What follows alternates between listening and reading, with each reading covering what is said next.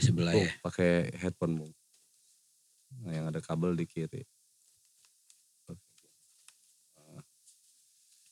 Cik, Nah, ada ya suaranya. aman.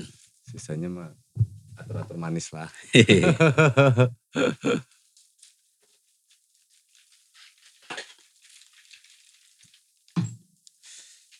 Lu itu suka red velvet tuh namanya tuh bung.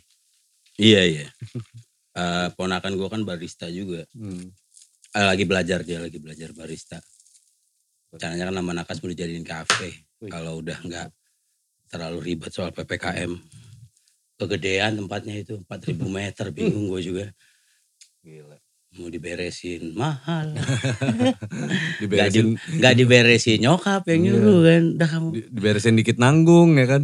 ya enggak udah yang penting gue bisa tidur aja waktu itu pertama adikku meninggal Februari April mulai tidur sana Hmm. yang penting ada kamar lah gitu maksudnya kan ada anakku nggak bisa tidur nggak pakai AC penting ada satu kamar yang pakai AC itu doang ini rumah kayu kan rumah panggung tua Mantap itu. Vino udah aman on? Oke. Ari? Kenapa? No? Uci udah di kopi no? Uci di E kata Ari. ATP Uci. Udah di kopi belum? Mau di format soalnya memorinya. Coba cek dulu. Cek dulu bentar. ya.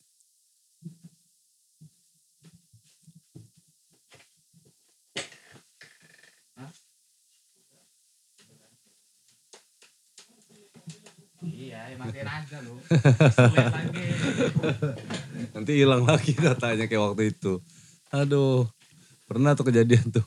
makanya gue lebih suka nge-live Iya. sama kayak Yuiin dia kan bung kok di IG gue hilang dua jam nggak bisa gue bilang IG Iya. ya kan dua jam i- nggak mau di save sama Instagram gue bilang Penyimpan- penyimpanan. tuh. iya Bahaya. Bantai re. dia kan dua jam dia nge-live nya Buedan.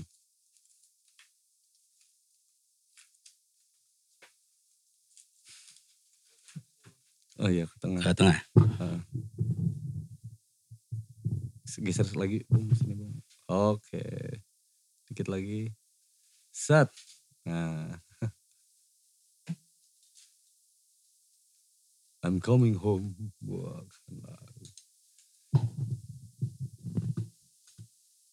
Yo. Podcaster kejas planet bumi. Selampung lu udah nggak ada yang ngalahin lah Aman ya, Ri? Udah sem- semua? Vino udah ya? Bismillahirrahmanirrahim. Masih di ada Potters Podcast, podcast terkece planet bumi. Bukan- Mantap. mantap mantap mantap Selampung, Selampung gue, masa sih Bung? iya sih kalau kalau menurut gue ya maksudnya di di Instagram gue liatnya di Instagram terus tuh di di YouTube ya Hmm. di YouTube-nya eh, apa R2 Galeri Domba Daerah. Galeri- eh, itu ya kalau di Lampung podcaster paling beken ya lu lah enggak makanya gue seneng banget ketika dikabarin wah ini nanti kita bisa foto bareng nambah follower Instagram foto bareng artis bro Geng, hari ini kita dengan Bung Dolop, bukan lagi. ini yang punya Lampung Express. ya lah, apa di atas bumi Allah ini punya Allah Punya Allah ya Bung. Akhirnya gue seneng loh Bung bisa bisa apa lo mau ngobrol di di podcast gua. Eh gue tuh pantau podcast lo juga tuh Bung. Enggak belum belum belum diseriusin baru Lu, baru gimana sih baru Bung? Nah itu mau gue gua- tanyain tuh. Itu karena gue gue tuh nyimak gitu. Hmm, Tapi memang obrolannya politik santai gitu obrolan itu Iya iya iya. Bukan gue gue punya podcast namanya Numpang Liu. Mm-mm. Memang memang disegmentasikan buat eh, tokoh-tokoh politik lah ya. Ya. Tamu-tamunya kan lucu-lucu gitu kan. Kalau buat buat kawan-kawan yang seumuran kita gitu kan lucu-lucu. Kan Heri Wardoyo, Iya, Adipati, kemarin ketua KPU Deddy Iya. Triadi gitu ya. Maksudnya Hmm. eh, segmented lah ya. Iya. Segmen tapi memang memang podcast Bung itu memang khusus memang buat buat itu aja gitu apa Eh, Numpang Liu itu sebetulnya nama kolomku di koran. Oh, oke. Eh, warisan dari bokap. Dulu bokap punya punya kolom di koran namanya Numpang Liu. Heeh. Dan memang secara spesifik Numpang Liu waktu di create atau di- dibikin sama almarhum bokap. Memang eh, kontennya memang cenderung eh, mature ya gitu Iya, maksudnya. Hmm. kalau yang ABG-ABG kayaknya bukan ke sana gitu loh. Ada juga sih gue bikin cuman Hmm. eh, hostnya kan Iki namanya eh, ngobas kan ngobrol basing di pasar Oh. seni. Ya. Eh, kalau Iki Ini yang podcast macam-macam. ini Iya yang podcast yang yang yang yang, yang pernah gue handle lah Ya, gitu ya, hmm. pernah gue handle. Kalau dia waktu itu kan sama model gitu, Iya, iya. sama sama Lampung Insta, sama sama apa Hmm. namanya influencer. Hmm, Nah, cuman bagi-bagi segmen aja gitu. iya. Sama lah kayak kalau Angga kan Hmm. eh, mungkin 80-90 persennya kan Hmm, hmm. anak band ya Iya, gitu. 80 Maksudnya, persen. Iya, anak band. Artinya kan eh, memang nama seorang Angga akan Hmm. sangat mudah diresepsi sama kawan-kawan Iya, musik gitu. hmm. Karena memang tujuannya juga memang buat support itu sih Bung. Iya. Ya kan? Ya mudah-mudahan bisa apa bisa ada impact. Tapi gue seneng juga loh Bung. Maksudnya gara-gara gue ngobrol tuh keras juga gitu di podcast gitu ngobrolin soal produksian, soal apa Berantem. gitu. Sampai berantem-berantem Iya. gitu kan misain kawan. Iya. ya artinya pelan-pelan tuh eh, teman-teman tuh te- kayak tereaksi gitu kan ada Iya, iya, iya. ada oh jadi jadi Ya semangat bukan tereaksi memang memang memang Hmm. eh, kayak botol ketemu tutup dia menurut gua menurut gua enggak. Jadi di Lampung tuh yang gue bilang kan Hmm. eh, kalau udah bicara podcast hari ini Angga nomor Hmm. satu ya kan maksudnya eh, pilihan temanya Hmm. kemudian eh, reach-nya audiensnya dan Hmm. figur figur Iya. hostnya Hmm. ya memang memang lu deh Hmm. memang podcastnya Angga nomor satu sekarang waduh terbang banget gitu bukan bukan nomor satu karena apa sih nggak? Belum ada saingan aja menurut gue nanti Iya, kalau iya. kalau dalam tanda kutip artis-artis lain yang yang yang eh, level lokal gitu Iya. mulai main ya terancam ya? Bukan terancam lu kudu siap-siap gitu oh loh. gitu ya. Tapi enggak sih bung. Gue sebenarnya sejujur-jujurnya banget gue mengharapkan nih ini justru undangan terbuka sekalian ya bung buat Iya, iya. teman-teman yang lain kayak Kiki Dide lagi-lagi nih. Andika Hmm, kangen hmm. anak-anak kangen band semuanya siapa pun itu itu bikin something kayak gue gini gitu karena gue juga nggak bisa bergerak sendirian bung Iya, anak Lampung yang udah Sebenarnya pernah gitu. ngerasain atmosfer eh, entertainment di, di di tingkat nasional tuh. Iya. Internasional malah kalau teman-teman kayaknya udah. Iya. Hmm. Gue tuh itu yang gue harapin, Bung. Eh, gue nggak peduli sih. Maksud gue kalau sendirian justru malah guanya jadi kayak ngapain sendirian gitu kan. Enggak ben- bentar lagi badan lu keker gitu botak. Jadi jadi komisirnya Lampung kali ya. Tapi enak, Bung. Kayak gini kan gue Nah. ngobrol soal eh, keresahan-keresahan kita di podcast itu kan, Bung. Iya, iya, iya. Ini gue mau nanya, lu nih, lu keresahan lu sendiri nih, Bung. Yang yang dari elunya sendiri itu apa, Bung? Lu ini kan orangnya resah dalam banyak hal nih. Ya kan dalam banyak hal bung. Jadi maksud gue gini, setiap nih geng ya gue ngobrol sama sama apa hmm, Bung Dolop nih dari bola resah, dari musik resah, dari masyarakat eh, madani resah, Iya. pemerintahan resah gitu. Poin inti dari dari yang paling lu resahin tuh apa sih bung? Ya kalau aku pribadi lah ya, aku pribadi tuh eh, mungkin kalau boleh self labeling, Hmm, gue paling nggak suka eh, nggak ada nggak ada kerjaan gitu ya. Iya iya. Jadi eh, walaupun dulu dulu waktu gue masih wartawan aktif di lapangan, wartawan, Hmm. wartawan koran itu kan karakternya kalau masih reporter di lapangan itu kan artinya Senin sampai Hmm. eh, apa namanya Selasa sampai Minggu itu kita hunting. Kita Hmm. itu malah malah malah nggak hunting itu misalnya hari Sabtunya karena Minggu nggak terbit waktu itu Hmm, koran iya.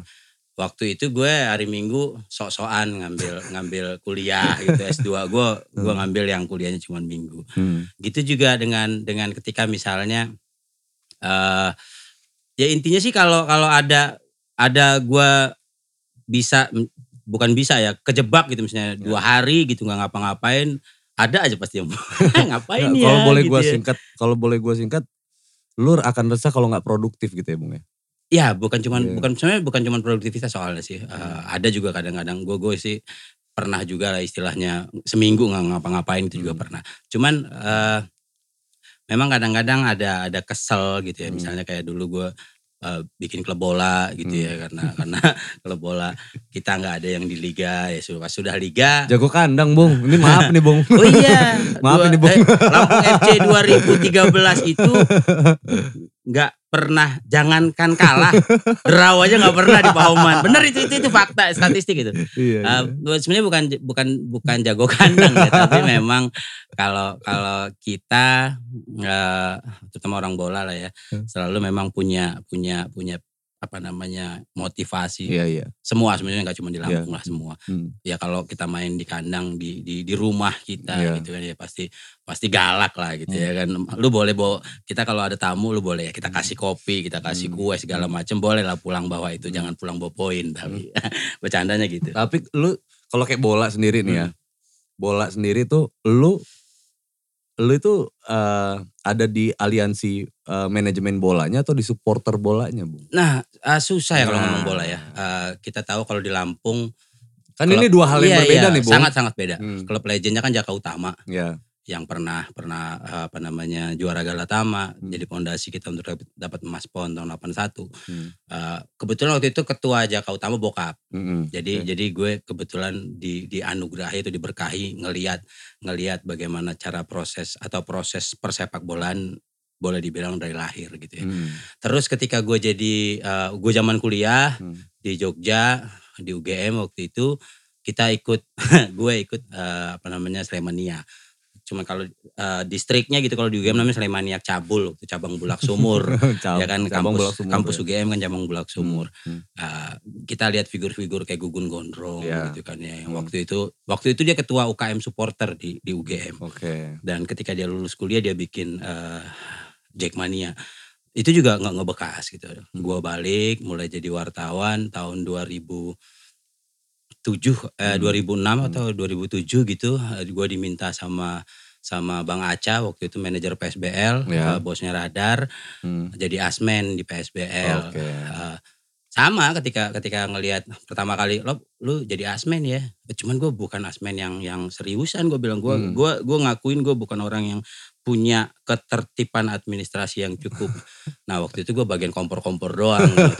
dan gue pernah bikin uh, waktu PSBL lawan PS Bengkulu, gue hmm. bikin hmm. reggae di di di stadion Pahoman waktu itu yang main uh, reggae mampus, uh, teh manis gitu kan. Uh, waktu itu juga uh, sempat uh, support uh, koral waktu itu kalau masalah hmm. komunitas reggae Lampung baru-baru bentuk. Yeah.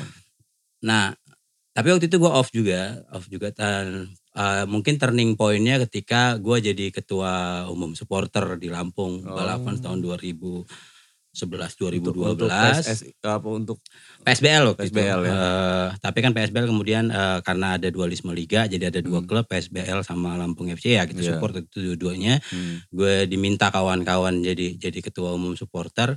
Nah, uh, turning pointnya di situ.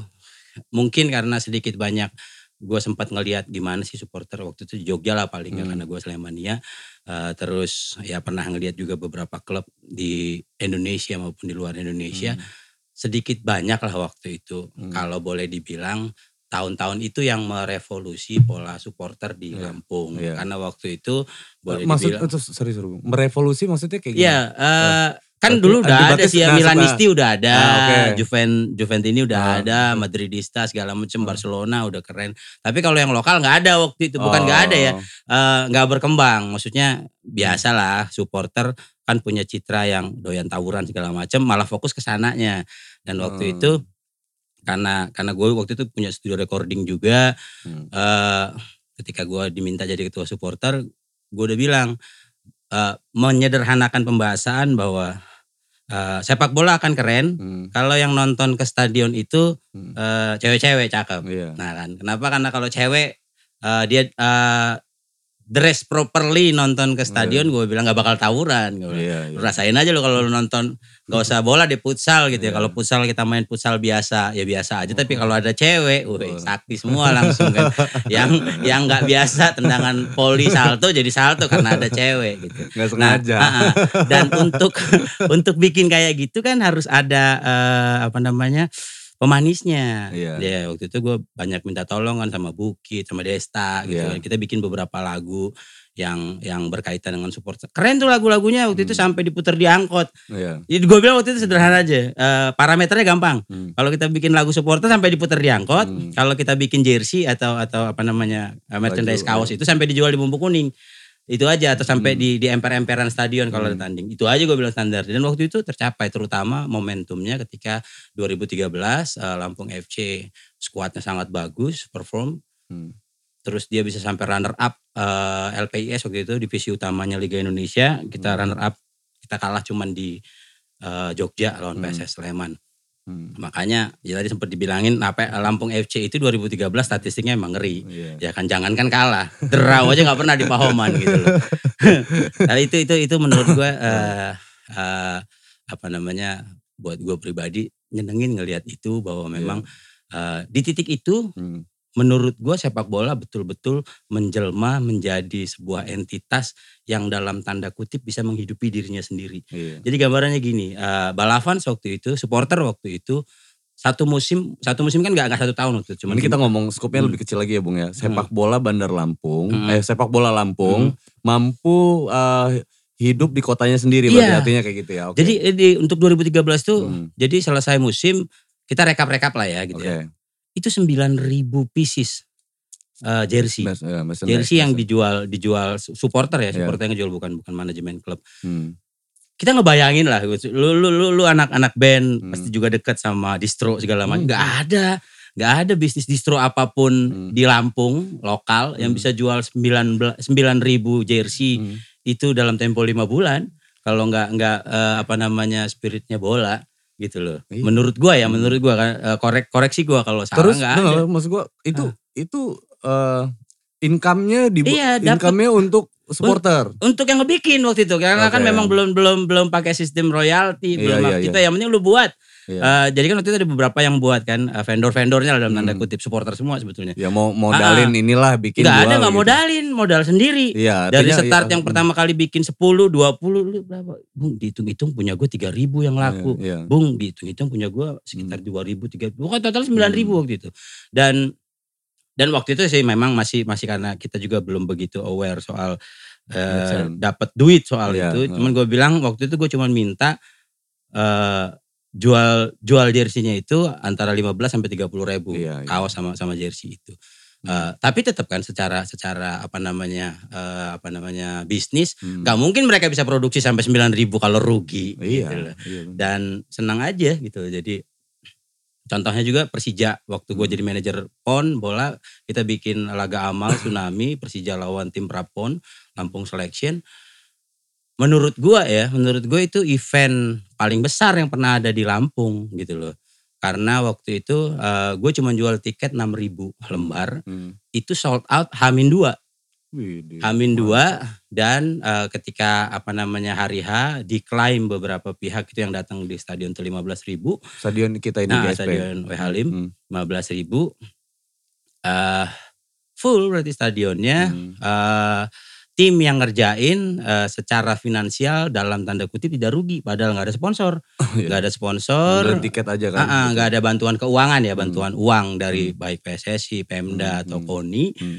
Eh, eh, waktu itu juga karena aku kan wakil ketua umum PSSI sempat di di apa namanya di di ultimatum lah sama Pak Edi selaku ketua Hmm. PSSI. Kalau misalnya ada tuntutan pidana gitu perdata Hmm, PSSI nggak mau ikut nggak mau ikut campur Hmm, nggak mau hmm. tanggung. Tenang aja om gue bilang Hmm. nyantai dan benar eh, sampai hari ini nggak ada maksudnya tiket tiket pesawat kebayar eh, match fee Persija kebayar Iya kan jatuhnya kan promotoran kayak ibarat main musik iya tuh, kayak. EO lah ya kayak Iya. EO lah ya kebayar maksudnya nggak ada yang yang nggak kebayar gitu loh dan untuk event yang tanpa sponsor kita memang banyak dibantu sama pemprov ya misalnya kayak kita bisa booking VIP room di pem apa di di bandara kita Iya. bisa masuk sampai ke apron Iya. karena kalau Persija datang kita takut rusuh di di ruang tunggu bandara kita waktu itu bisa pakai jalan tol yang belum dibuka gitu Iya, loh karena benar. untuk karena kan tol bisa keluar eh, di flyover yang dekat ini gitu kan Hmm, biar hmm. biar pemain bisa langsung masuk ke lapangan itu kita disupport seperti itu dari pemprov waktu itu waktu Hmm. itu Pak Gubernurnya masih eh, Mas Rido kan Hmm. masih MRF kan Eh, ya seneng aja dan itu yang gue bilang tadi eh turning point turning point kayak gitu Hmm. event-event kayak gitu yang akhirnya gue secara kalau bisa kalau gue ngobrol sebagai orang bola ke stakeholders yang lebih lebih serius gitu misalnya ke KONI, ke Pemda, ke PSSI eh, baik di berbagai, tingkatan di kabupaten ataupun di tingkat Hmm. pusat selalu gue bilang bahwa sepak bola di Lampung secara entitas dia Hmm. sudah bisa eh, di diperlakukan sebagai eh, industri olahraga yang sehat. Itu Hmm. aja. Jadi senengnya di situ aja gua. Satu udah kalau udah kayak gitu artinya potensinya udah udah bisa jadi besar ini. Oh iya, udah, ya. dan udah besar. Badak Lampung ketika dia belum degradasi itu klub dengan eh, apa namanya penjualan tiket tertinggi di Indonesia. Iya. Eh, kan kita tahu jual tiketnya lewat pla- platform eh, marketplace kan. Jadi bukan lagi secara konvensional beli di, Hmm. Iya. di apa namanya di stadion. Hmm. Dan berarti kan angkanya itu real ketika Iya. misalnya klub me- mengumumkan di Di- tengah pertandingan eh, kapasitas stadion WHL itu kan 9.000 secara Hmm. resmi. Hmm. Eh, tapi bisa dipus sampai 12.000 Hmm. rata-rata badak Lampung itu tuh 6 ribuan deh. Dan Oh. itu yang tertinggi di Indonesia. Mungkin ada Terdata ngomong lewat- Arema katanya. Arema, Iya, iya, Arema 40 ribu Iya, kan iya. juruhan. Gitu loh. Lewat platformnya kayak belinya di kayak Tokopedia misalnya gitu-gitu ya. Kalau waktu badak itu karena dia eh, disponsori sama Hmm. Bukalapak Bukalapak. dan eh, sponsor liganya Shopee. Jadi Oh. waktu itu eh, belinya lewat platform media sosial. Tapi juga di media sosial lain termasuk Tokped. Hmm, ya. Juga ada gitu Ada yang ngejual jual. gitu loh. Wah gila ya rapih juga ya. Ya bukan rapi memang dunianya sekarang kayak gitu. Ya kayak sekarang lah enggak gitu kan. Iya. eh gue kadang-kadang eh Tapi gue nggak, gue agak miris juga nih. Maksudnya agak eh, terpukul juga nih. Tapi untuk bola aja orang bisa, orang bisa dan nggak keder gitu beli beli tiket tiket bola gitu di di eh, di platform-platform digital untuk musik nih. Kadang kan untuk untuk beli tiket ya kan untuk Iya, beli iya, tiket iya. performing itu Hmm. aja banyak kedernya gitu loh Bong ya kan banyak mungkin itu sama itu dengan ngerti eh, itu.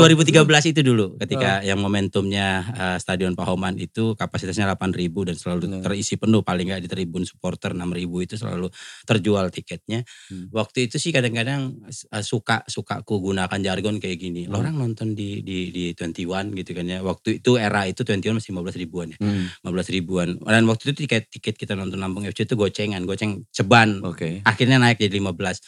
Ya kan sama aja kayak nonton 21. Enggak itu gua maksud gue Iya. langkah edukasi lu sampai orang orang nggak keder itu apa Nah kalau gitu? supporter sih memang Nah. enak ya. Supporter kan Nah. punya punya apa namanya eh, bahasa universal lah ya. Misalnya kayak Iya, no ticket no games. Oke. Kemudian eh, ya mungkin sama lah kayak orang film. Hmm, Kalau nonton di stadion sama nonton di layar kaca ya. itu feelsnya beda. Itu Iya. dua dua dua kegiatan yang berbeda gitu Iya, loh. iya. Makanya eh, eh, contohnya gini, gue pernah pernah diminta jadi ketua masyarakat sepak bola Indonesia di Lampung Hmm, sama hmm. ketua MSBI, MSBI pusatnya Hmm. eh, Om Sarman. Terus waktu itu gue bilang janganlah gue bilang Hmm. gue dalam tanda kutip udah tua gue bilang. Iya. cari yang anak muda dan waktu itu yang jadi ketuanya eh, waktu itu dia ke apa koordinator BEM selampung lah gitu ya Iya. BEM mahasiswa dan ketika gue sama Om Sarman nge-briefing itu anak eh cuma gue ngomong kayak gini dulu pernah nonton bola gak di stadion? Gak Hmm. pernah bung. Nah gue bilang salah nih gue bilang Iya. bukan salah ya maksudnya eh, akan sangat terasa bedanya. Misalnya oke lu bisa jelasin misalnya AC Milan, Juventus, Hmm. Barcelona, Real Madrid gitu kan, eh, eh, PSG, Marseille segala macem jago kan Hmm. begini oh bilang 442, 433 segala macem hebat Iya. gitu kan. Transfer gosip tahu sampai bininya si pemain bola tahu kan Wex kan gitu kan. Tapi kalau udah bicara sepak bola secara eh, apa namanya lebih teknikal lebih dalam lagi, Iya. gue bilang lu harus ngerasain nonton. Hmm. Gue bilang kayak gini sama dia, coba lu nonton ke stadion eh, GBK misalnya atau Jakabaring yang suka bikin acara Hmm. event internasional bola. Eh, Palembang ya. apalagi kalau misalnya Indonesia lawan Malaysia gitu misalnya Hmm. contohnya. Ya kan eh, GBK deh misalnya, lu mau duduk di sektor mana pun Hmm, bebas eh, 80 ribu katanya kapasitasnya, Hmm. cuma pasti lebih terus tuh ngisi 80 ribu dan nyanyi Indonesia Raya Hmm. bareng-bareng. Kita menyanyikan lagu Indonesia Raya bareng-bareng berdiri. Kalau lu baru pertama kali nonton dan nggak nangis, lu bukan manusia. Iya. Gue bilang karena di situlah gue bilang sisi-sisi nasionalisme kita Iya. langsung oh ih, gini yang namanya nasionalisme. Iya. Eh, kita kan nggak boleh perang nih sekarang kan. Iya. Eh, boleh nonton salah satunya boleh nonton bola. Dan dan waktu itu akhirnya eh, dia berangkat ke Brazil. Waktu itu Piala Dunia di Brazil. Dan benar, gue bilang iya bung.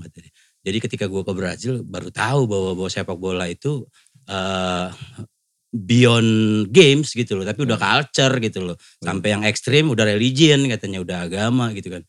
Jadi memang memang bola sih eh, menurut gua ya paling nggak di Indonesia atau di Lampung itu satu-satunya olahraga, satu-satunya eh, kalau dia boleh dikategorisasikan sebagai seni pertunjukan yang paling gede gitu loh. Bener. Bercandaan aja gini ketika habis Hmm. Persija gua ngomong apa yang paling pernah pernah paling gede di Lampung? Eh, OVJ Bung katanya. OVJ waktu itu kan tiga, katanya Hmm. Iya. 30 ribu orang atau Abdul Somad lu juga waktu itu. Hmm. Tapi itu gratis, Bro. Hmm. Gua bilang, ya kan di lapangan Enggal gratis. Hmm. Tapi kalau ini eh, intentionally orang bayar datang kita kita lihat deretan bus dari Karawang, Hmm. dari Jakarta, Tulang Bawang Barat, Iya, dari. Kerui Iya. segala macam hanya untuk nonton bola dan waktu itu cukup mahal waktu itu tiga ribu untuk ukuran di Lampung ya Uh. tiga ribu gitu loh Lumayan makanya tuh bung. mahal Iya. maksudnya dan dan Nonton bola. jadi waktu gue jadi panitia itu sampai gue matiin HP karena kan salah satu salah satu eh, eh, formulasi untuk beli tiket kan bisa order lewat WA gitu ya. Hmm. Jadi pokoknya lu lu transfer, bukti transfer lu kirim ke WA. Hmm. Hari pertama 400 Wah kata gua Ini mah pening ini mah kita ngebacain satu-satu Akhirnya waktu itu eh, WA gua matiin Gua aktifin kalau udah tengah malam Terus gua download Hmm. ininya apa namanya kontennya gitu kan Iya. apa bukti transfernya Iya. itu saking antusiasmenya gitu antusias antusiasnya orang mau nonton bola dan nah, waktu itu jualan tiket di kantor gua di Urip Heeh, heeh. tuh ka- kantor Urip udah kayak apa ya eh, depan tuh ada yang nenda gitu loh. Dari mana bro? Dari penjaringan. Mah pas gue bilang ngapain? Ya udah kan besok ada Persija gitu. Tidur di sini. Eh, ada juga dari mana bro? Dari Gunung Sugi lu dukung Persija apa Lampung? Ya kami Persija bu. Tapi dukung Lampung juga gitu. Nah itu itu yang yang itu yang gue bilang tadi bahwa rasanya belum ada yang ngalahin ngalahin sepak bola untuk Iya. urusan kayak gitu. Dan waktu itu gue ketika ngurusin gue minta tolong sama Daus, mungkin lu kenal ya salah Oh, satu kenal, uh, event organizer Kenal. paling paling paling aktif lah Iya. gitu ya. Ini Nah, Daus, Daus juga Daus ganteng ya. RPM, RPM. Dia selesai acara gue bilang gue bingung bung kata. Gue ini pernah pegang slang kata dia, pernah Hmm. pegang bumerang kata dia, pernah pegang jamrut. Cuman gak kayak begini katanya. Hmm. Jadi eh, waktu itu kan aku minta handle, minta tolong handle si Daus. ha- bagaimana masa itu keluar dan masuk, karena Ya. kan eh, konsentrasi masa yang yang berpotensi eh, insiden kan di situ Ya. biasanya kan ya. Gue bilang gue cuma minta itu aja. Jadi apa requirement lu? Bung gue minta bariket sekian Barricade, waktu itu ya. di handle sama sama Koposen kan. Pertama Pokoknya sampai lipat empat dari dari rencana pertama jumlah Hmm, bariketnya hmm, gitu kan. hmm. Itu karena waktu itu ada ada taman yang harus kita lokalisir Hmm. karena kalau kita rusak taman itu kita ganti gitu kan. Ganti dong. Ya kan? Dan eh, Daus itu waktu itu awalnya bingung katanya. Gue tuh bingung, Bung. Gue nih gue mau nyuruh siapa kata dia. Nah, Cuma waktu itu kita pakai grup WA, pokoknya koordinasi via grup WA eh, yang pakai pakai apa namanya headset tuh nggak Iya. nggak nggak nggak jalan nggak tadi pakai HT nggak jalan. Cuman ketika ketika diomongin tolong eh, lokalisir misalnya pintu utara. hmm. Bung tahu-tahu ada 400 500 orang ngejagain di situ kata dia. Itu siapa? Ya supporter kata gue. eh. Jadi karena mereka juga punya punya punya apa namanya eh, dengan edukasi yang benar mereka punya kesadaran kesadaran. Iya. masing-masing bahwa kal kalau dan itu bayar loh. Iya. Udah ngebantuin, datang bawa tiket gitu loh. Ya udah kita yang handle ini pokoknya. Hmm. Aman kata dia. Dan Daus bilang, gue tuh pernah handle slang kata dia. Hmm. Gak kayak gini kata dia. Gue pernah handle Iwan Fals gak kayak Hmm. gini. Ternyata bola keren kata dia seru. Dan itu yang gue bilang ya tinggal tinggal edukasi sama pendekatannya aja. Persatuannya kuat banget berarti ya Bung. Ah, iya gitu loh. Eh, sangat sangat kuat. Jadi jadi eh, misalnya gitu ya ada satu satu sampel ketika jersey-nya SS Sampung FC musim Hmm. 2000 berapa gitu 2016 2017 yang yang yang eh, kakak Eli Eli Aiboy jadi maskot Hmm. itu dijual di website Inggris yang collectible item jersey dijual di di apa namanya di berbasis di Inggris salah satunya karena waktu koreografi Hmm. kawan-kawan itu masuk di Ultras eh, World Oke. ya kan jadi jadi ya internasional juga jaringan mereka-mereka itu rupanya gitu tidak sesederhana yang kita lihat kayak supporter cuman kita kan ngeliat tawurannya biasanya atau bombingnya ketika mereka mereka Iya. bikin graffiti di jalan ternyata eh, mereka jaringannya sangat sangat eh, sangat sangat luas Hmm. walaupun memang tidak tidak melulu semuanya positif tetapi menurutku dengan pendekatan dan edukasi yang sesuai kita bisa pakai itu untuk untuk hal-hal yang yang lebih bagus Nah Bung, tanggapan lu tentang supporter ya. Hmm. Pertempuran supporter ini gimana, Bung? Nah, susah sih. Gue gue gue gue gue kadang-kadang juga kalau Ini di tanggapan, just tanggapan Iya. aja, Bung. Tanggapan gimana? kan gue kebetulan karena gue wakil ketua umum kan kalau di PSSI namanya komite eksekutif lah. Iya. Exco lah. Exco kan musuhnya supporter tuh. ya kan? Pokoknya kalau di Exco PSSI pasti yang bagi kena maki-maki. Iya, lu supporter. pasti banyak banyak musuh di Iya. supporter, pa- bete sama lu pasti. Bukan musuh, biasanya dijelek-jelekin terus. Hmm. Ini salah nih putusannya. Enggak, Hmm. tapi memang selalu yang aku bilang begini. Nah, Gue sih kalau mau ngomong secara, Ini secara maksud gue biar berimbang juga Iya, ya, ya. secara gue juga ikut tawuran dulu persoalannya gitu loh kan. Kita tahu dulu zaman itu yang gue bilang zaman gue di Jogja bercandaannya kayak gitu. Kata kalau kita tanding ke Solo kita kalah, kita tunggu di UGM. Di Enggak, UGM ini kita kalah. Kalau, kita bicara fakta itu. Bung. Kadang ada yang mecahin kaca mobil Ah, bus iya. loh. Ah, Nah itu itu itu contoh di Persija ya. Waktu gue bikin Persija. Dari dari Eh. pihak Pemprov itu sederhana aja. Hmm.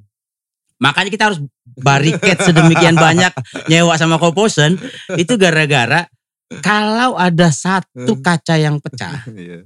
pihak keamanan itu angkat tangan. Iya. Karena biasanya katanya kalau kaca pecah, pembakaran itu Hmm. akan memantik kerusuhan. kan. Iya. Sementara konstruksi Stadion Halim itu kan salah Hmm. Hmm. karena fasadnya kaca.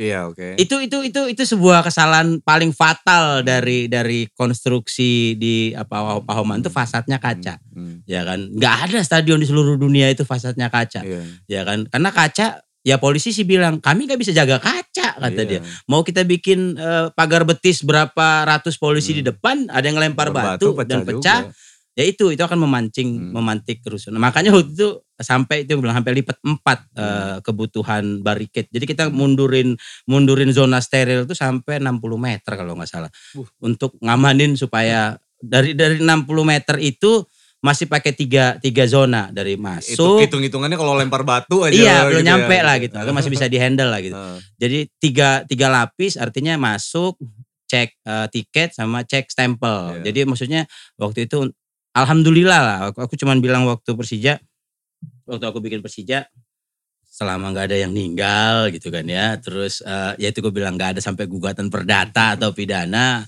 Kita anggap acara ini sukses gitu loh. Dan alhamdulillah semuanya jalan.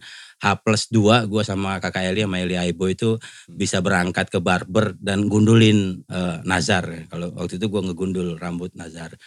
Nah jadi memang kalau supporter tuh memang punya karakter seperti itu. Iya. Dan gue bilang, gue juga kadang-kadang kalau ngejelasin ke kawan-kawan yang gue bilang stakeholders yang lebih serius, Koni misalnya, Iya. su, eh, PSSI ya gue juga kadang-kadang, ya Bunda Olip juga berantem katanya waktu itu, ada Iya. videonya.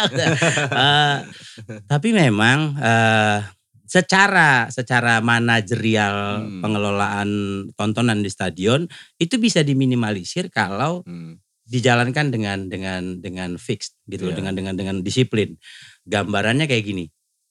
Eh, di Indonesia misalnya di GBK. Hmm. GBK itu dari gerbang ke tempat kita eh, konsentrasi massa, tempat beli tiket atau atau checkpoint tiket itu satu setengah kilo. Buh.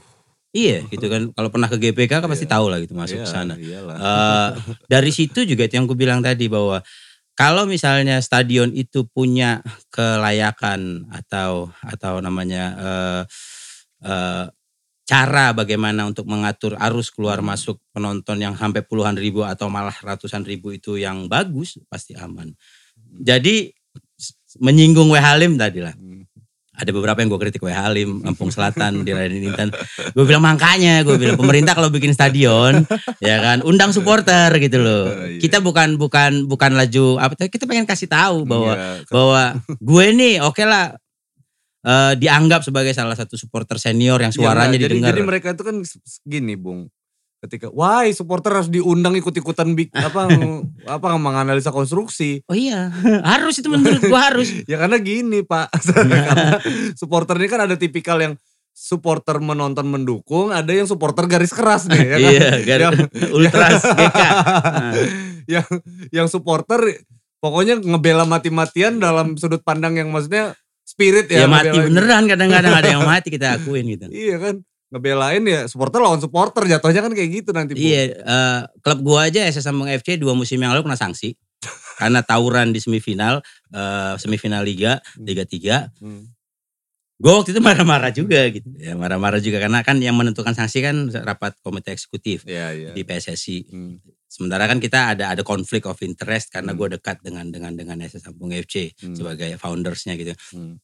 Gue bilang nggak fair ini PSBL juga harusnya kena sanksi kata gue kan. Karena kan tawuran kan selalu dua belah pihak Iya, nggak mungkin kan. sendirian kan. tapi alasan bukan alasan ya memang memang regulasi waktu itu yang kena sanksi itu supporter yang berbadan eh, yang terorganisir gitu ya ada Ah, badan hukumnya. hmm. PSBL nggak punya kata dia. SS punya. Aduh kata gue ya udah. Cuman eh, itu, itu itu salah satu salah satu sampel atau contoh kasus bahwa sebetulnya kalau dikelola kalau diurus bisa kok Hmm. diamanin maksudnya gue bilang ada ya tadi gue bilang supporter tuh bisa cari duit dari jual merchandise Ya. karena waktu itu gue contohin juga aduh, waktu 2013 itu PSS Sleman eh, dari BCS-nya dari Brigata Kurvasut itu bisa ngegaji pemain. Ya kan? Oh, ngegaji iya, iya. pemain. Dari- Maksudnya dari- dari ah, dari itu. dari ya entah dari mana pengelolaan pokoknya maksudnya pokoknya karena mereka juga ngebook eh, booking booking tribun Hmm. eh, sud sud itu utara ya. Hmm. Tribun utara eh, dari situ mereka bisa bisa bisa menjalankan roda keorganisasian supporter dengan sangat sehat. Gue bilang bagian itu belajar. Iya. Jangan bagian berantemnya gue bilang. Kalau bagian berantemnya gak usah diajarin juga jago biasanya anak-anak. Heeh. seru lah pokoknya kalau bola seru. Nah, eh ikonik nih sekarang gue bilang Eh, kolaborasi. Bola mungkin gak sih Bung eh, eh, nyiptain ikon-ikon kayak musisi Lampung tadi bukan sekedar kolaborasi opening act-nya eh, Reggae Mampus, opening act-nya ini kan itu hanya hanya sekedar dilibatkan. Sementara kalau yang gue lihat nih kayak apa sih eh, ada apa Power Slave tuh jadi ikonnya Ya. ini banget tuh ikon klub bola mana sih Di, itu? Eh, Roy Roy Roy Nah, Bumerang gitu, itu nah, eh, jadi- Milanisti. Nah, Dia yang jadi- nyanyiin jargonnya apa eh, jinglenya Milanisti Ah, Indonesia. it- Itu gimana Bung kondisinya di Bisa sebetulnya. Jadi Kalau kalau belum gue Iya. lihat sih belum ada Bung. Iya ya, belum belum ada memang. Jadi eh, 2013 itu waktu itu eh, Brother Oi, Brother Oi Hmm. pernah bikin lagu soal PSBL, tapi memang responnya kurang Hmm. kurang eh, apa namanya? Karena lagu dia susah dinyanyiin dalam stadion. Iya iya. iya. Karena kita tahu kan eh, ka- anak musik tahu lah ya bahwa Hmm. karakter karak- karakteristik lagu yang bisa dinyanyiin bareng-bareng itu kan modulasinya harus nggak susah Iya, gitu iya. kan ya. Lompat-lompatan nadanya jangan jauh-jauh Iya. gitu kan satu dua nada aja. Hmm. Ya kalau udah susah-susah kan nggak mungkin gue bilang kalau kita di stadion nyanyi lagu jagalah hati, jangan kau sakiti gitu Tapi- mungkin. Artinya Ah. gini, artinya eh, lo berarti nungguin karyanya anak-anak nih ya Iya. untuk untuk bisa dijadiin icon ya.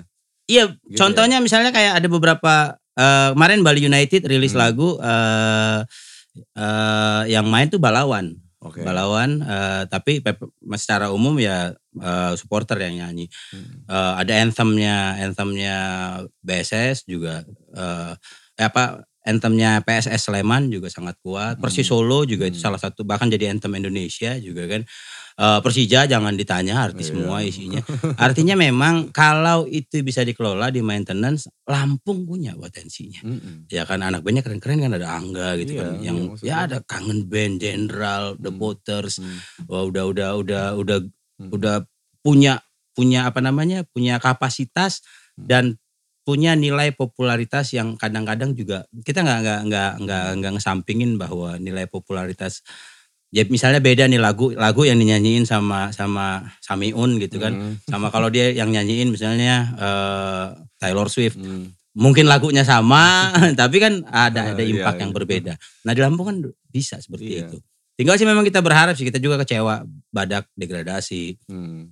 Eh, badak main bentar lagi nih akhir September Hmm. Eh, tapi eh, ppkm kan jadi ada banyak pembatasan ya kita berharap lah eh, paling enggak kalau aku secara pribadi awal ketika kenapa gue pengen jadi gue gue nolak awalnya jadi ketua supporter ah, maksudnya gue gue udah udah udah nggak nggak ABG lagi gitu kan sementara kita tahu segmen supporter kan ABG SMP Iya, SMA iya. gitu kan Iya. Eh, tapi enggak eh, waktu itu kawan-kawan ya sudahlah tapi gue bilang dengan beberapa persyaratan-persyaratan yang cukup rigid karena waktu itu supporter punya citra yang yang gua nggak bisa terima gitu Hmm. misalnya kayak kita nerima uang dari Iya, Dari, iya, Bang. eh, Benar, Bang. judi gitu misalnya Hmm. Eh, premanisme Iya. narkoba apalagi kan gua nggak mau yang itu bilang Hmm. Eh, jangan sampai jangan sampai itu bisa ya kalau gue sih ga- gambaran jangan sampai ganggu ganggu gue juga Iya. kan kalau cuma sekedar berantem sekali dua kali terus tuh ditelepon sama kasat intel masih lah bisa diomongin siap dan gitu kan nanti bisa kita kita kita kondisikan gitu kan ya ya kan eh Lampung punya potensi dan tetap menurutku eh goalsnya gitu loh tujuannya ya prestasi ya Benar. aku juga waktu itu menginisiasi eh, menjadi manajer itu inisiatif pribadi Hmm. jadi manajer pon Hmm. karena Lampung udah empat kali nggak ikut pon akhirnya kita nggak nggak nggak ikut juga ke Papua Iya. Eh, tapi memang pasca Persija ketika ketika eh, gua nggak dapet support eh, yang menurut gue cukup dari dari Koni ya gue mundur waktu itu dari manajer Iya. manajer Prapon karena eh, secara secara tata keorganisasian kan kita ngejelasin kayak gini kalau PSSI itu mengurusi liga Oke. ya kan Liga 1, Liga 2, Liga 3 Suratin Pertiwi Hmm. itu domainnya PSSI Oke. tapi kalau multi event, uh, Porprov, Porwil, Hmm, PON, hmm, Olimpiade, hmm. Piala Dunia, eh, kalau Piala Dunia masih PSSI. Uh, Olimpiade itu domainnya KONI atau dan bahasa beda-beda. Iya, gitu. iya, iya. Oh. kita agak agak ya sama lah kayak kita ngomong ini jalan provinsi, jalan kabupaten, jalan Iya, nasional. iya, kalau kalau status PSSI kan emang lembaga kemitraan kan maksudnya. Iya, kan, Bu- PSSI iya, iya kan? satu dari sedikit lembaga di Indonesia yang umurnya lebih tua dari negara ini. iya makanya kan Iya. gue bilang kan justru statusnya negara bermitra sama PSSI nih. Iya, Gitu dan kan, Bung? iya jadi ketika itu gue bilang aku mundur dari manajer Prapon lebih karena memang eh, regulasi juga sebetulnya memang ada regulasi yang menyatakan bahwa olahraga non prioritas, cabur non prioritas Hmm. tidak boleh dihandle apa tidak boleh tidak mendapat support dari dari KONI gitu, ya kan gitu, gitu. iya, Walaupun iya. anggarannya gede tapi ya kita bukan cabur prioritas. Hmm.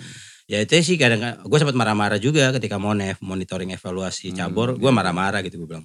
"Eh, ini ini egoisme pribadi gue bilang. Tapi rasain lu, lu bawa pulang 10 medali emas misalnya dari apa cabur prioritas kita angkat besi, misalnya Hmm, renang, hmm, hmm. eh, senam, eh, anggar, terjun payung segala macem. Bawa 10 emas, 20 emas sama bola perunggu aja gue bilang bubar gue bilang ini iya kan gak, gak usah gak usah emas gue bilang kita masuk Iya. semifinal kita Iya. kalah lawan Jawa Timur kayak lawan Hmm. Jakarta kayak lawan Papua kayak Hmm, itu pulang udah heboh gue bilang dari Bakau sampai sini udah udah baris gue bilang. Iya. eh wa- waktu itu dan, dan ya karena nggak di approve ya udah gue mundur gue bilang Nah, kalau kayak gini caranya waktu itu dia omongin lah kalau jadi manajer kan harus harus rela meluangkan eh, konsentrasi energi Iya. dana segala macem eh gue Persija bikin pakai duit pribadi loh gue bilang. Ya kan? Tuh event kalau di di budget event ini 300 400 juta pakai duit Iya. gue pribadi. Hmm, masih masih lu tanya gue nggak rela berkorban ya tuh. Gue marah-marahnya kayak gitu. Iya. cuman kalau sekarang ya salah juga gue karena ada yang ngomong lu harusnya waktu itu ngotot loh kata dia. ih kata gue gue bukan tipe tipe yang kayak gitu.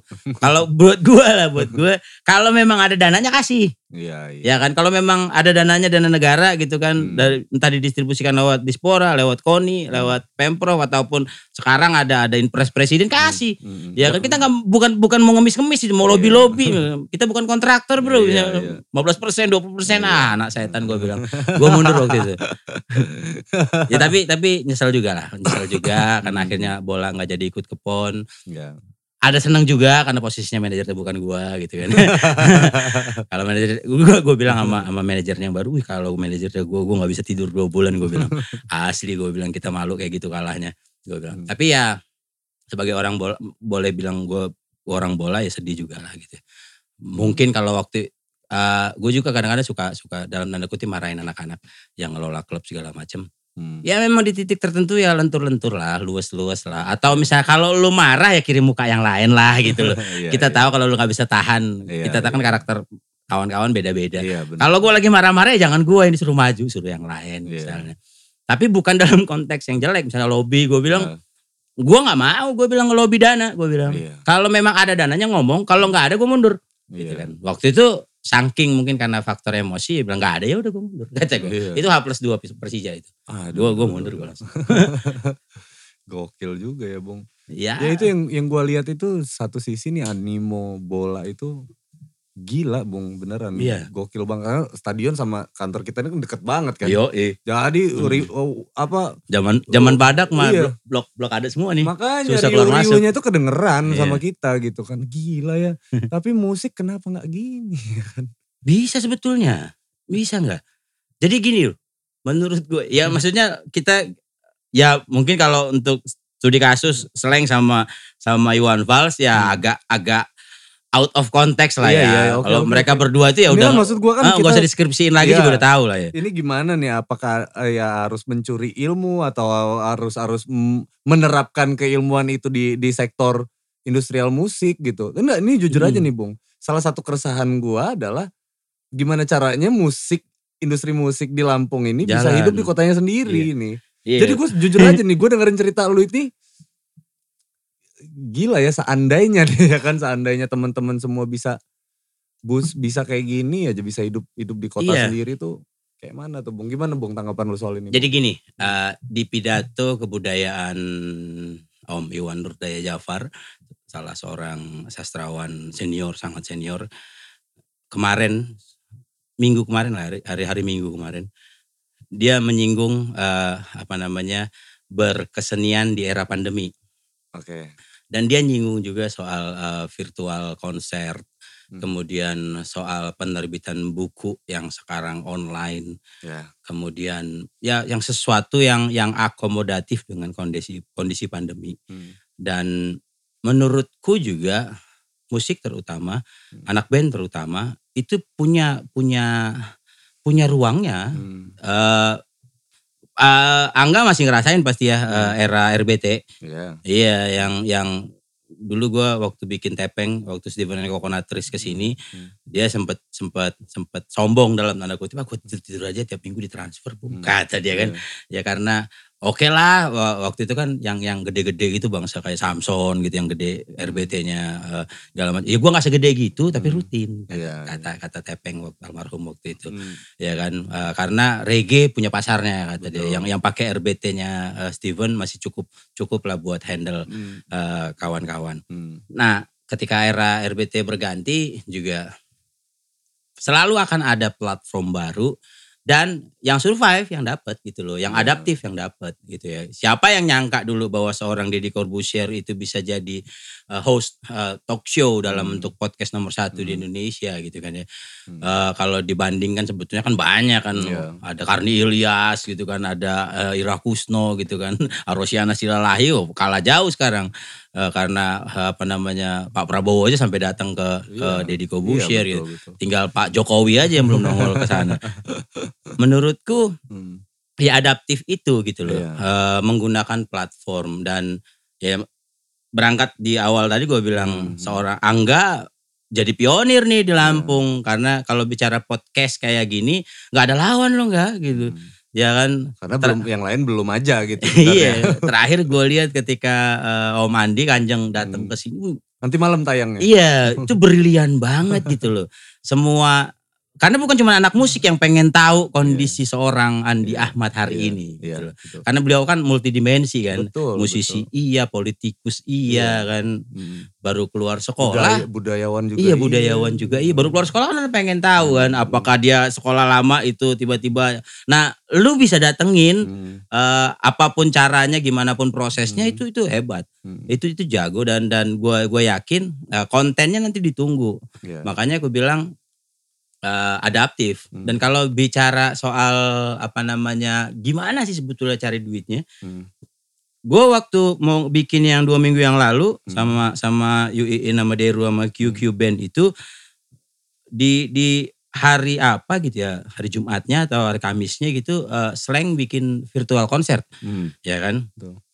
Ditonton tuh Hmm. eh, Yui nonton Goceng nonton Iki Hmm. nonton gua nonton Hmm. di udah selesai di ujung bercandain Yui kan ah Yui nunggu door prize eh, motornya gue bilang Hmm. waktu itu motor apa lah gitu ya Yamaha apa gitu Hmm. Gua bilang, eh lu baru ngomong sekarang tau gitu gue ngejar iya itu gue gue Iya. juga dapat flyernya kan karena eh, ada grup WA yang slankers gitu Iya. kan di belakangnya eh, ada door prize Scoopy gitu apa-apalah gitu Hmm. mereknya aku lupa Hmm. Oh iya, dan artinya secara itu yang tadi sempat kita juga ngobrol di Hmm. depan, kalau sudah commercially sound, sudah financially sound, eh setelah konten selesai, Hmm. selesai, maksudnya Hmm. udah udah khatam, udah final, Hmm. ya memang di manajerial akhirnya, ya kan. Betul. Bercandanya gini aja, kita Hmm. tahu eh eh, dengan tidak bermaksud Hmm. eh, menjelekkan ya. Banyak band yang lebih keren dari General. Iya. Banyak band yang lebih keren dari Kangen. Hmm. Banyak band yang lebih keren dari The Potters Hmm, gitu kan. hmm. Banyak band yang lebih keren dari Da Vinci Hmm, misalnya atau hmm, apa pun eh, hmm. band-band lokal kita yang bisa tembus ke, Iya. ke nasional.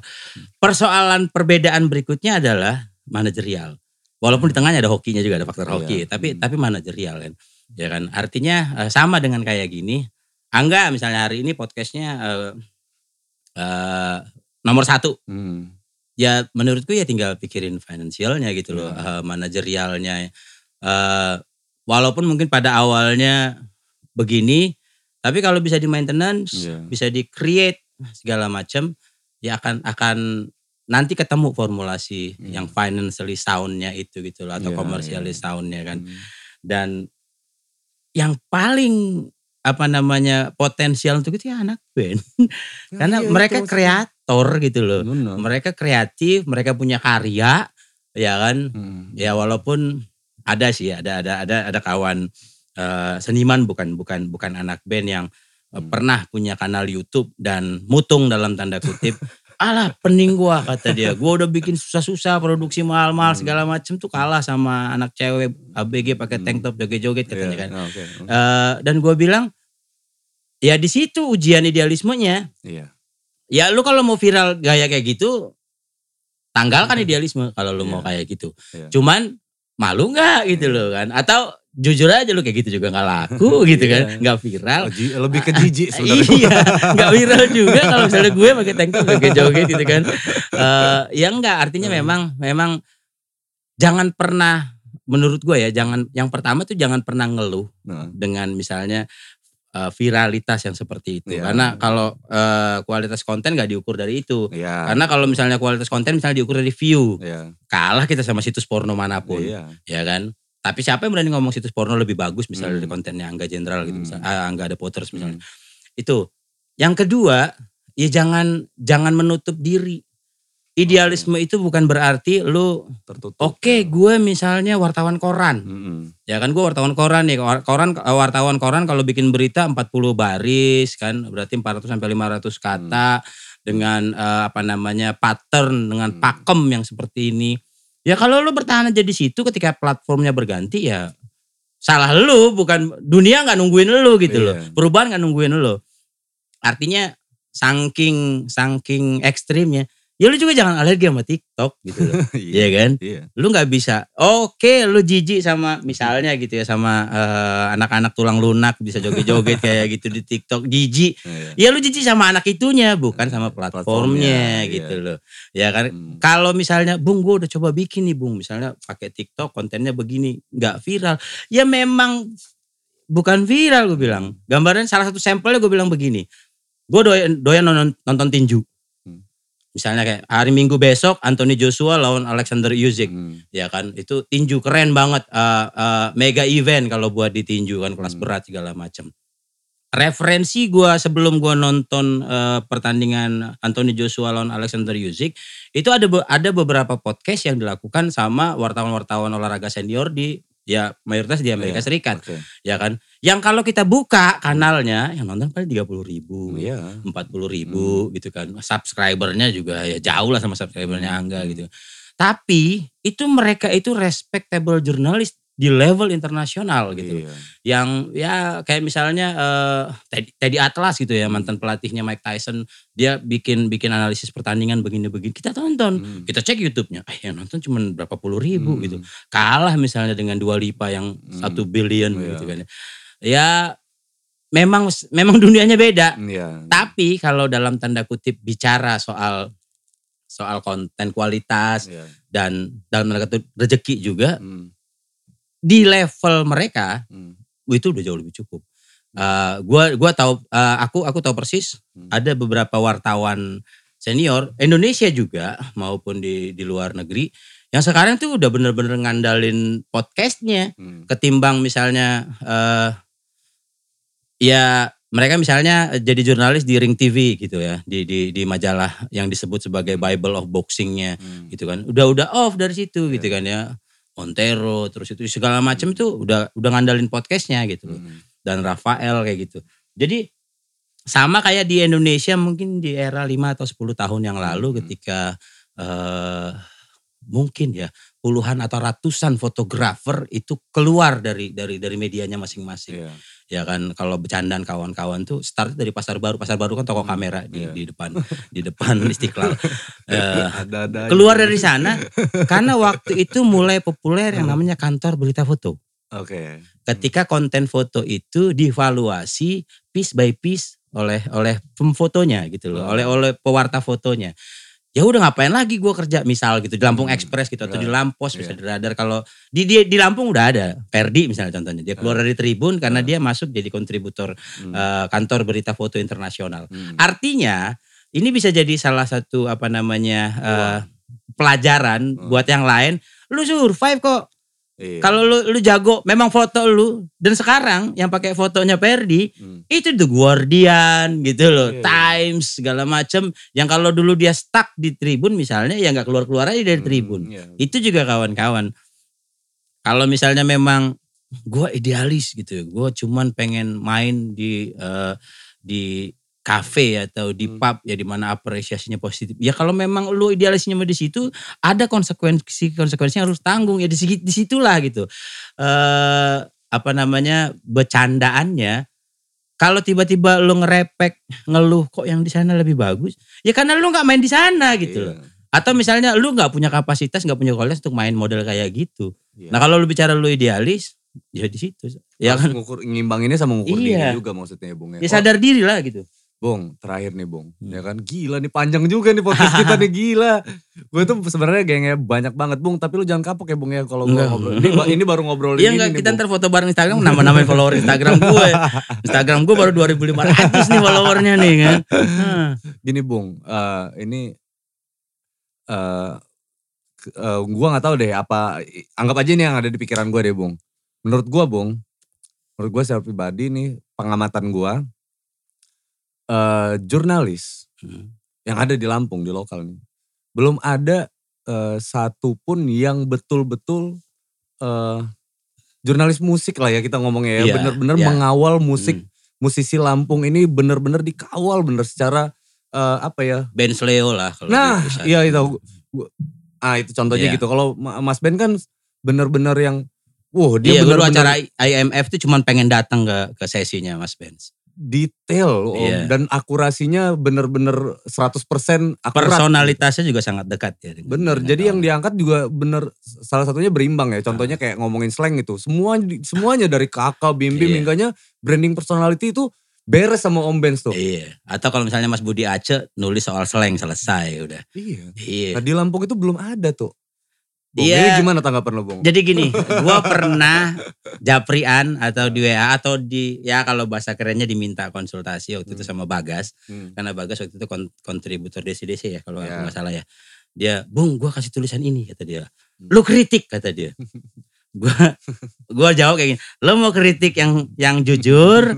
gua bilang, "Yang serius atau yang mendalam in depth sampai technical?" Hmm. yang paling dalam kata ya gue kasih tulisan panjang apa eh, apa namanya eh, kritik panjang soal tulisan dia Hmm. sampai dia ngomong bung wah lu mah kritiknya kejauhan kata dia kenapa orang tulisan gue udah lolos di DC-DC nggak diedit sama redakturnya gue wah ya itu yang gue bilang Iya. di titik tertentu ketika misalnya ingin menyebut ini sebagai produk jurnalistik Hmm. harus disiplin dengan memahami pakem-pakem standarnya harus jalan gue Hmm. bilang kan 5W1H Hmm. ya kan terus itu bagaimana piramida terbalik in-depth reporting Iya. ya kan feature segala macam ya harus disiplin jangan jangan separoh-separoh gitu loh Nah iya itu. yang gue bilang jadi itu itu contoh contoh kasusnya Hmm. Bagas dan Hmm. secara sederhana memang sebenarnya di semua bidang sih nggak cuman Hmm. musik ya kalau Hmm. kita aku pernah bilang kayak gini sama kawan-kawan belum ada ini sombong nih bang Hmm. belum ada yang bisa bikin berita bola Hmm. sekomprehensif berita gue Iya. ya kan sederhana aja gitu loh kenapa karena biasanya wartawan lapangan itu kerja untuk bola misalnya ada Hmm. berita acara pertandingan mereka eh, duplikasi itu berita, berita acara pertandingan kick off jam berapa misalnya gol menit ke berapa udah gitu doang Hmm. tanpa ada pendalaman yang lebih detail Hmm. bahkan besar kemungkinan mereka nggak nonton Iya. bolanya betul. gitu loh. Benar. Jadi sa- sama di di di musik juga kayak gitu. Aku juga kenal dengan eh, fotografer khusus Hmm. spesialis eh, musik. Kalau bola udah ada sekarang fotografer khusus spesialis bola Hmm. dari level Tarkam sampai level Liga 1. Hmm. Itu udah ada sekarang. Dan menurutku untuk anak-anak musik Hmm. harus bisa jalan kayak gitu. Hmm, hmm. Jadi kalau memang misalnya ya nggak bisa disalahin, harus punya latar belakang jurnalistik yang kuat Iya. dan punya passion di musik yang kuat. Dan Iya. Bagas kalau dia waktu itu s- bertahan di DC-DC sebagai kontributor yang serius, Hmm. rasanya pelan-pelan dia akan belajar. Iya. Ya kan dia tahu tulisan gue nih dikritik abis sama Bung Dolop, artinya masih bisa disempurnain. gitu. Iya. Itu gue bilang itu baru dalam konteks teknikalnya gue bilang Hmm. belum belum yang lebih dalam lagi misalnya filosofisnya yang kata lu tadi Iya. cerita kan. Yang gue bilang kalau misalnya Mas Budi Aceh bikin soal slang, oh selesai. Iya. Anak potlot dia gitu kan ya. Abangnya Abdi kan selesai gitu. Atau Mas Ben Sleo kalau dia bicara soal misalnya Ahmad Albar, Iya. soal Gito Rolis ya jangan tanya teman nongkrong dia gitu loh. Makanya. Artinya ya susah kalau ngarepin wartawan. Harusnya dari anak musik gitu ya. Oh, berangkatnya berangkatnya dari anak gitu. musik yang- Kayaknya yang- di situ ya. Iya. Harusnya dia dari dari Iya. anak musik ya. karena passion, Oke. yang utama itu passion. Oke. Gue bilang sama dengan anak wartawan. musik yang memahami eh, teknikal penulisan itu. Teknikal penulisan dan punya Oke. passion yang kuat. Eh, Itu aku bilang kenapa misalnya Ya, kayak ya, kita ya. wartawan olahraga kita kenal Sambas misalnya kalau Hmm, zaman ya, dulu ya. kan Rayana Jaka Surya gitu kan. Kalau misalnya kita bicara eh, kuliner Pak Bondan gitu kan. Hmm. Ya kan walaupun dia wartawan ekonomi tapi dia passionnya di, di kuliner sangat kuat. Benar. Akhirnya dia bisa bikin karya jurnalistik yang sangat kuat. Jadi artinya berangkat ya bukan telur telur dulu apa ayam dulu misalnya wartawan dulu apa musisi dulu bukan. Tetapi kalau dalam konteks ini gue bilang ya start dulu dari kawan-kawan musisi gitu loh. Dan kalau misalnya bilang contoh kasusnya Bagas di DC-DC, kalau misalnya Bagas itu memang dia walaupun dia sekarang punya project Tuan Robertus jadi ngeblues terus, Hmm. tapi kalau dia memang passionnya juga ada di nulis, bisa lebih dalam. Kayak lu hari ini, lu punya passion di podcast ngobrol kayak gini. Hmm. Pelan-pelan pasti lu ngedalamin kan. Benar. Misalnya kan mic yang cocok apa gitu kan, bagaimana sound engineering yang paling Hmm. cocok misalnya untuk podcast. Karena beda kan. Iya. Kita engineering sound buat buat eh, take vokal, buat take drum sama take Hmm. podcast. Lama-lama lu akan belajar gitu loh. Hmm. Lama-lama lu harus belajar dan pelan-pelan lah gitu. Jadi ya kalau hari ini aku secara pribadi untuk musik ya gue berharap sama Angga. Nanti Angga jadi salah satu pendobraknya bahwa Iya. ya mungkin salah satu yang harus dibayar nanti akan memecah konsentrasi lah ya. Iya pasti gitu. Kayak kayak misalnya Gila dia naruh naruh Iya. sesuatu lagi di pundak gue. konsentrasi. Karena kayak misalnya anak band dulu eh, rockstar di Iya, panggung iya. tiba-tiba dia mundur ke belakang Hmm. ke ruang operator kan kayak Iya. misalnya Om Pai, Indra iya. gitu kan. Jadi saat Iya. ya jarang manggung jadinya Iya, karena iya. ngebeca terus, dia Iya. recording terus. Ah, Tapi Iya. tapi tapi pelan-pelan menurutku Hmm. eh, nanti akan ketemu sendiri Hmm. dan kalau di Lampung potensinya gede anaknya kreatif semua jago-jago dan gue bukannya ngomong gue gue jalannya banyak tapi gue berapa kali jalan ke beberapa daerah di Indonesia lah paling Hmm. enggak atau di lu- luar negeri yang deket-deket gitu kayak Singapura Malaysia Hmm. Eh, anak Lampung tuh keren gue bilang asli Iya, keren iya.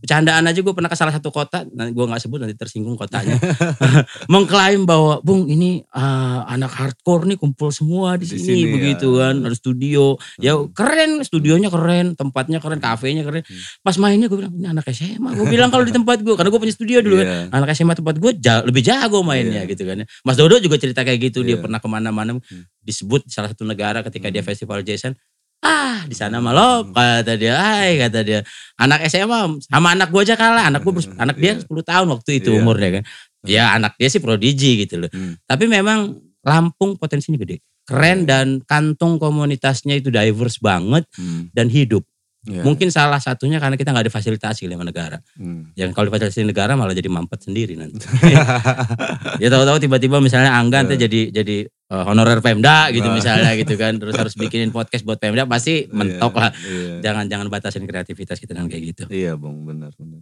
Selama ini sih gue selalu independen karena tujuannya itu juga biar maksudnya teman-teman tuh luas juga ngobrol gitu kan luas nggak ada nggak ada Iya. ada barrier apa barrier apa gitu ini mau dibawa Sampai berantem. gitu sampai berantem memori anak band zaman dulu itu keren, Bung, keren. Hmm. thank you ya Bung ya. Thank ini you gua you ya? jangan kapok ya Bung. Ini gua lah. sebenarnya ini baru baru baru poin yang itu tuh sebenarnya banyak banget nih orang banyak banget keresahannya nih geng ya kan. Kita berharap nih nanti dia mau terus ya kita gali untuk hal-hal yang banyak gitu. Ya itu tadi Bung, penonton Amin, amin. podcast kita ini 18 sampai 34 tahun Cocok lah gitu. sesuai umurku. Jadinya sebenarnya padahal gini Bung, padahal yang enggak, padahal yang lu undang kan sebenarnya usianya udah di atas 35 semua tuh enggak. Tapi kenapa yang nonton itu? Karena mereka mencari ilmu, gue bilang gitu. Karena mereka mencari sesuatu lit- lit- literasi mungkin Iya. kan yang mereka nggak tahu gitu kan. Oh bisa jadi gitu. Nah itu memang memang gue main di ranah itu. Enggak karena Angga gantengnya untuk yang seumuran segitu. ya kan. Good lookingnya gitu kan untuk yang seumuran segitu. Kalau yang muka-muka kayak kita udah out of date. ya kan. Gaya aja sama masa kini kan. Muka masa gitu. Aduh. Thank you ya Bung ya. Ya, siap, Eh, ya. Sehat selalu mudah-mudahan amin. podcast kita hari ini bawa eh, manfaat untuk eh, semuanya. Yang give applause untuk Bung Dolop. Iya, keren gila ya ini baru ngomongin bola aja. Bola itu tadi di kepala gue tuh bung. Mau hmm. ngomongin musik mau ngomongin apa mau ngomongin apa ngomongin apa. Bu gila gak kesabar urusan bola doang. Eh oh, bola. Eh gue pengen mundur gue dari PSSI nih. Apa bong boring ya? Bukan boring apa namanya? Lala enggak juga. Kaki kayak diikat gue waktu ketemu PSSI tuh gue kayak